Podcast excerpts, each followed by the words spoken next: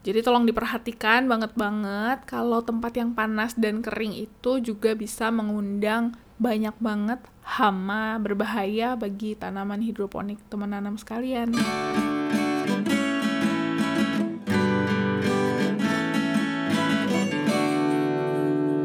Halo teman nanam semuanya, kita kembali lagi dengan episode baru di podcast Mari Menanam di hari Rabu di tengah minggu yang rasanya masih kayak liburan aja terus gini karena masih WFH gitu ya.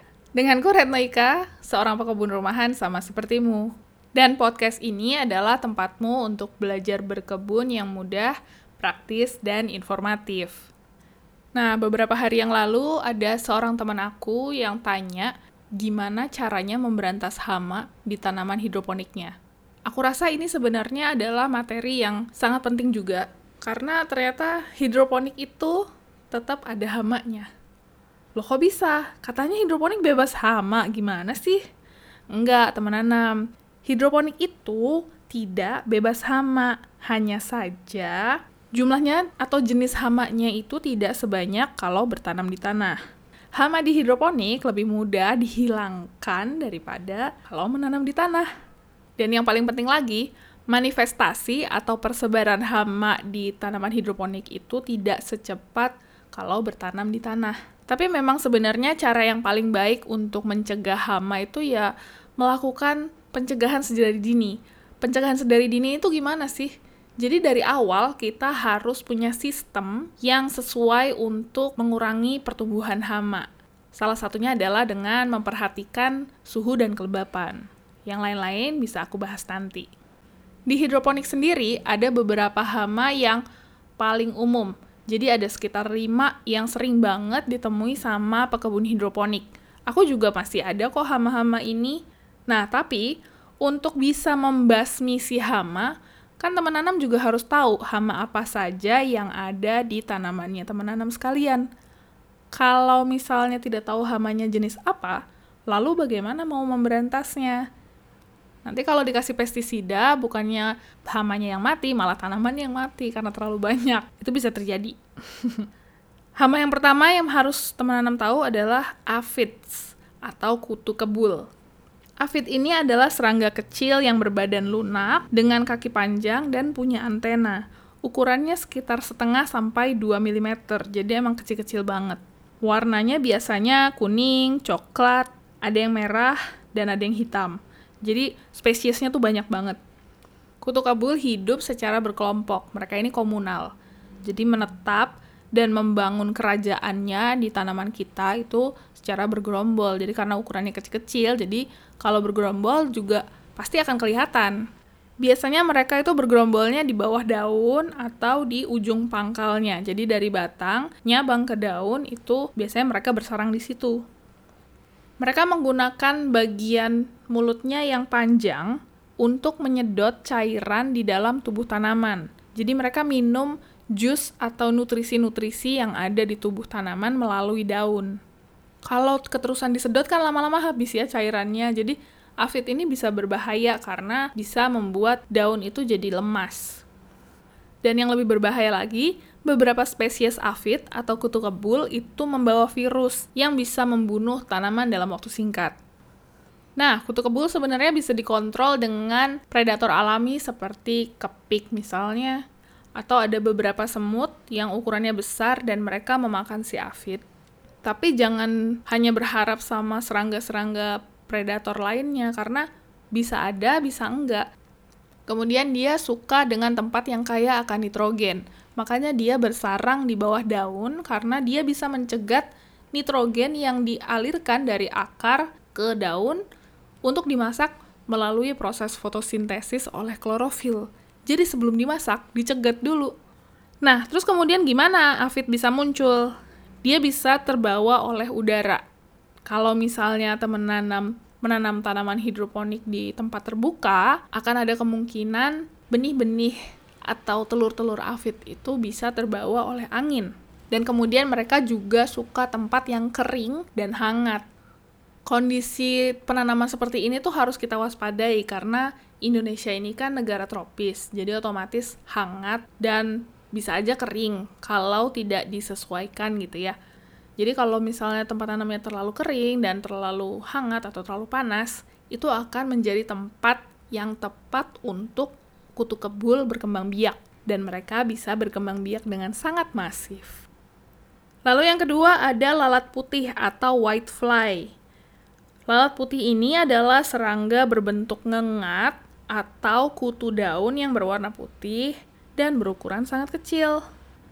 Mereka hidupnya berkelompok dan berkembang biak dalam jumlah besar di bagian bawah daun, jadi harus hati-hati. Lalat putih yang masih berukuran nimfa dan yang dewasa akan sama-sama menyedot cairan di dalam tubuh tanaman dan meninggalkan cairan yang sudah diolah oleh tubuh mereka di permukaan e, daun, batang, dan buah.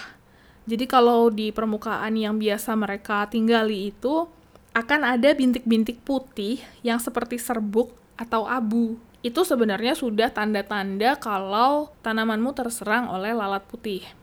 Kalau sudah mulai ada tanda-tanda bercak putih-putih atau agak kekuningan seperti itu tuh biasanya daun akan jadi sakit dan kemudian jadi cacat karena proses fotosintesis si tanamannya jadi terganggu karena daun itu diserang oleh lalat putih.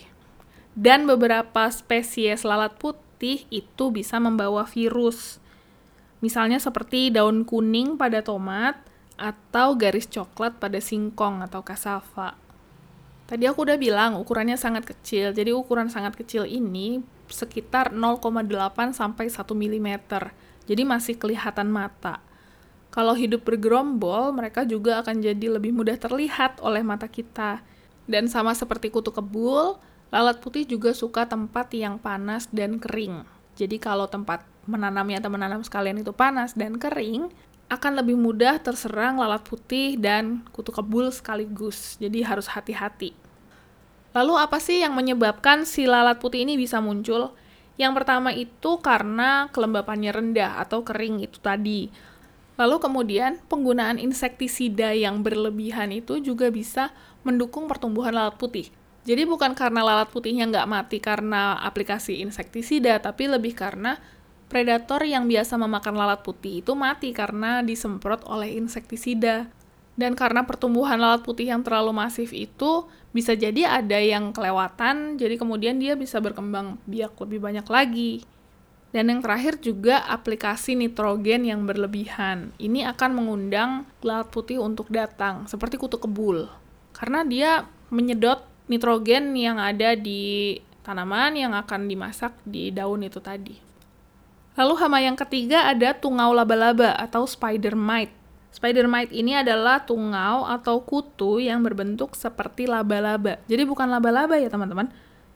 Dia adalah kutu yang bentuknya seperti laba-laba dan sangat kecil. Ukurannya itu kurang dari 1 mm. Dan karena hidupnya sendirian, dia jadi lebih susah terlihat. Dan ini sebenarnya yang berbahaya karena tahu-tahu aja daunnya rusak atau mati. Tanpa kita sadari kalau ternyata daun itu diserang oleh tungau laba-laba. Mereka memakan nutrisi yang ada di daun, jadi sama seperti kutu kebul atau lalat putih. Setelah memakan nutrisi yang ada di daun, mereka akan membuat si daun itu jadi berbintik-bintik putih atau kuning. Dan kemudian daunnya jadi pemutih karena klorofilnya hilang. Dan kalau penyebarannya sudah terlalu parah, daun akan jadi rapuh sehingga tulang-tulang daunnya akan terlihat. Jadi daunnya tuh jadi kayak agak transparan, agak bolong, terus kemudian tahu-tahu aja rontok gitu. Dia juga melindungi diri dengan membentuk jaringan seperti kepompong yang ada di bawah daun. Jadi bentuknya itu seperti sarang laba-laba tapi lebih padat. Biasanya ada di bawah daun dekat dengan tulang utama si daun. Jadi dia menempel di tulangnya supaya apa ya tulang daun itu kan adalah tempat untuk aliran nutrisi yang akan dimasak. Jadi dia mencegat aliran nutrisinya untuk sampai ke seluruh daun ya. Jadi dia parkir di situ supaya nutrisi tidak mengalir ke tempat lain dulu tapi langsung bisa dia sedot. Bahaya banget ya dia nyegatnya kayak nyegat sungai terus kemudian dialirkan ke tubuhnya gitu. Dan sama seperti hama-hama sebelumnya, dia juga hidup dan berkembang pesat di tempat yang panas dan kering. Jadi tolong diperhatikan banget-banget kalau tempat yang panas dan kering itu juga bisa mengundang banyak banget hama berbahaya bagi tanaman hidroponik teman nanam sekalian. Hama yang keempat ada agas jamur atau fungus gnats.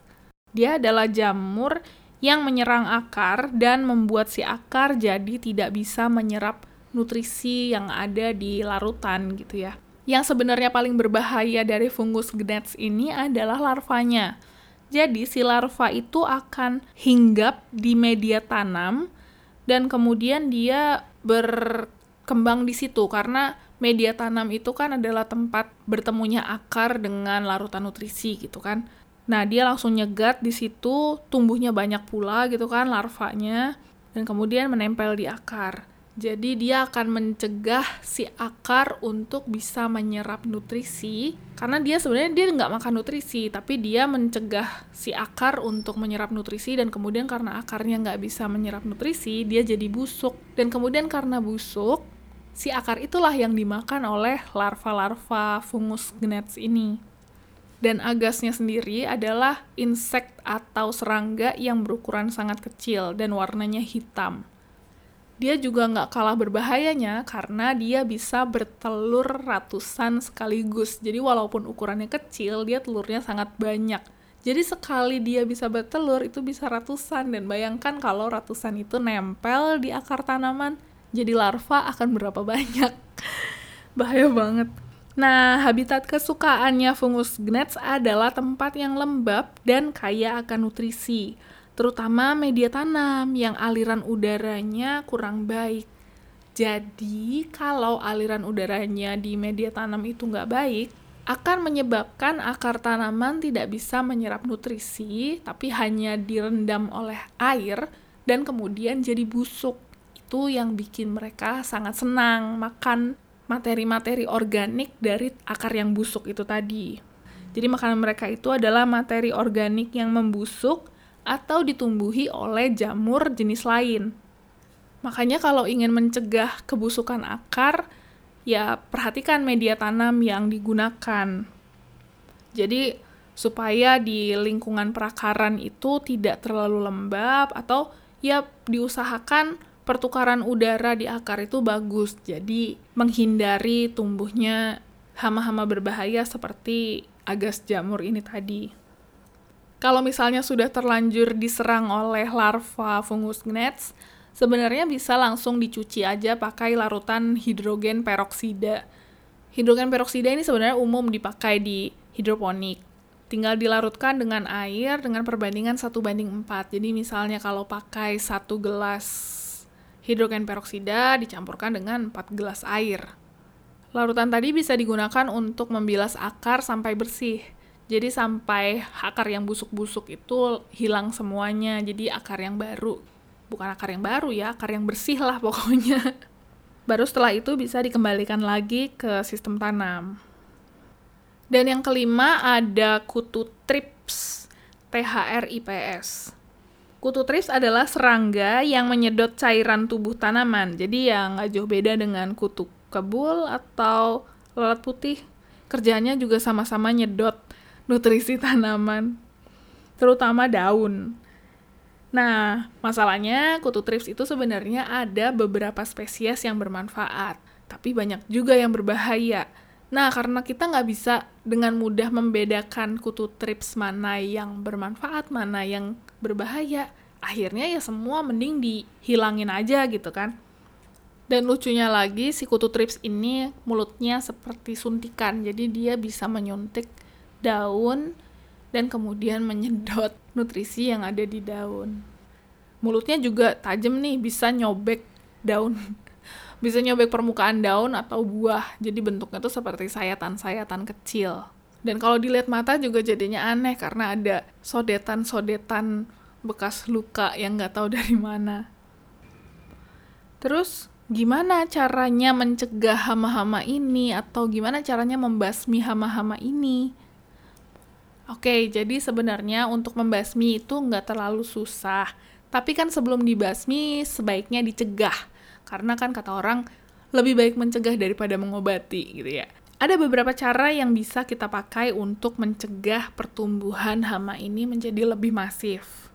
Misalnya yang pertama, kamu bisa pakai stiker pencegah hama. Jadi biasanya stiker ini punya lem bolak-balik. Kamu tinggal gantung aja, warnanya kuning. Di toko-toko pertanian itu banyak dijual. Jadi kamu bisa beli, kemudian tinggal dipasang aja. Karena warnanya yang kuning ini mencolok, jadi akan menarik perhatian dari serangga. Kemudian dia akan datang dan nempel deh di situ, kayak lem lalat. Lalu cara yang paling gampang adalah memantau tanaman dan lingkungan tanamnya. Kamu cek setiap balik daun. Mereka biasanya bersembunyi di balik daun karena ya nyaman gitu ya. Dicek setiap balik daun apakah ada manifestasi atau persebaran hamanya atau enggak. Nah, kemudian kalau misalnya ada, dan kalau yang terinfeksi masih sedikit, tinggal dipotek aja daunnya, dipangkas daun yang kena, sebelum dia menyebar ke tempat yang lain. Nah, kalau sudah banyak, kamu bisa menggunakan pembasmi, misalnya pestisida, mau itu organik, mau itu yang sintetis, sama aja. Tapi sebaiknya kalau bisa pilih yang organik, karena akan aman buat si tanaman juga. Dan kemudian jangan berlebihan memberi pupuk ini yang paling sering terjadi sama petani atau perkebun hidroponik yang masih pemula. Kesenangan menguji coba, terus kemudian larutan nutrisinya dinaikkan kadar pupuknya sampai di ambang batas kekuatan si tanaman. Iya sih tanamannya kuat, tapi kemudian kan akan mengundang banyak hama karena terlalu banyak nutrisi yang bisa mereka sedot dari tanaman. Dan kemudian kamu juga harusnya bisa membersihkan tempat menanam dari residu tanaman yang ada sebelumnya. Jadi kalau habis panen dibersihkan karena kalau nggak dibersihkan biasanya ada aja yang nempel-nempel di sisa panen itu tadi dan kemudian akan kalau kamu nggak terlalu perhatian ya akan menyebar menjadi penyakit. Dan karena sebagian besar hama itu tadi senang dengan tempat yang panas dan kering, kamu juga harus memperhatikan lingkungan tanam yang ada di tempatmu. Jadi kalau misalnya terlalu udaranya terlalu panas, usahakan dibikin lembab. Jadi kamu tidak perlu harus menurunkan suhunya karena emang itu susah banget. Tapi yang bisa kamu lakukan adalah menaikkan sedikit kelembapannya. Kamu mungkin bisa beli sprayer yang kemudian kamu isi dengan air dan uh, ujung sprayernya itu kecil jadi bisa menyemprotkan air yang berukuran kecil untuk mendinginkan udara. Bukan mendinginkan udara, tapi membuat udara jadi lebih lembab.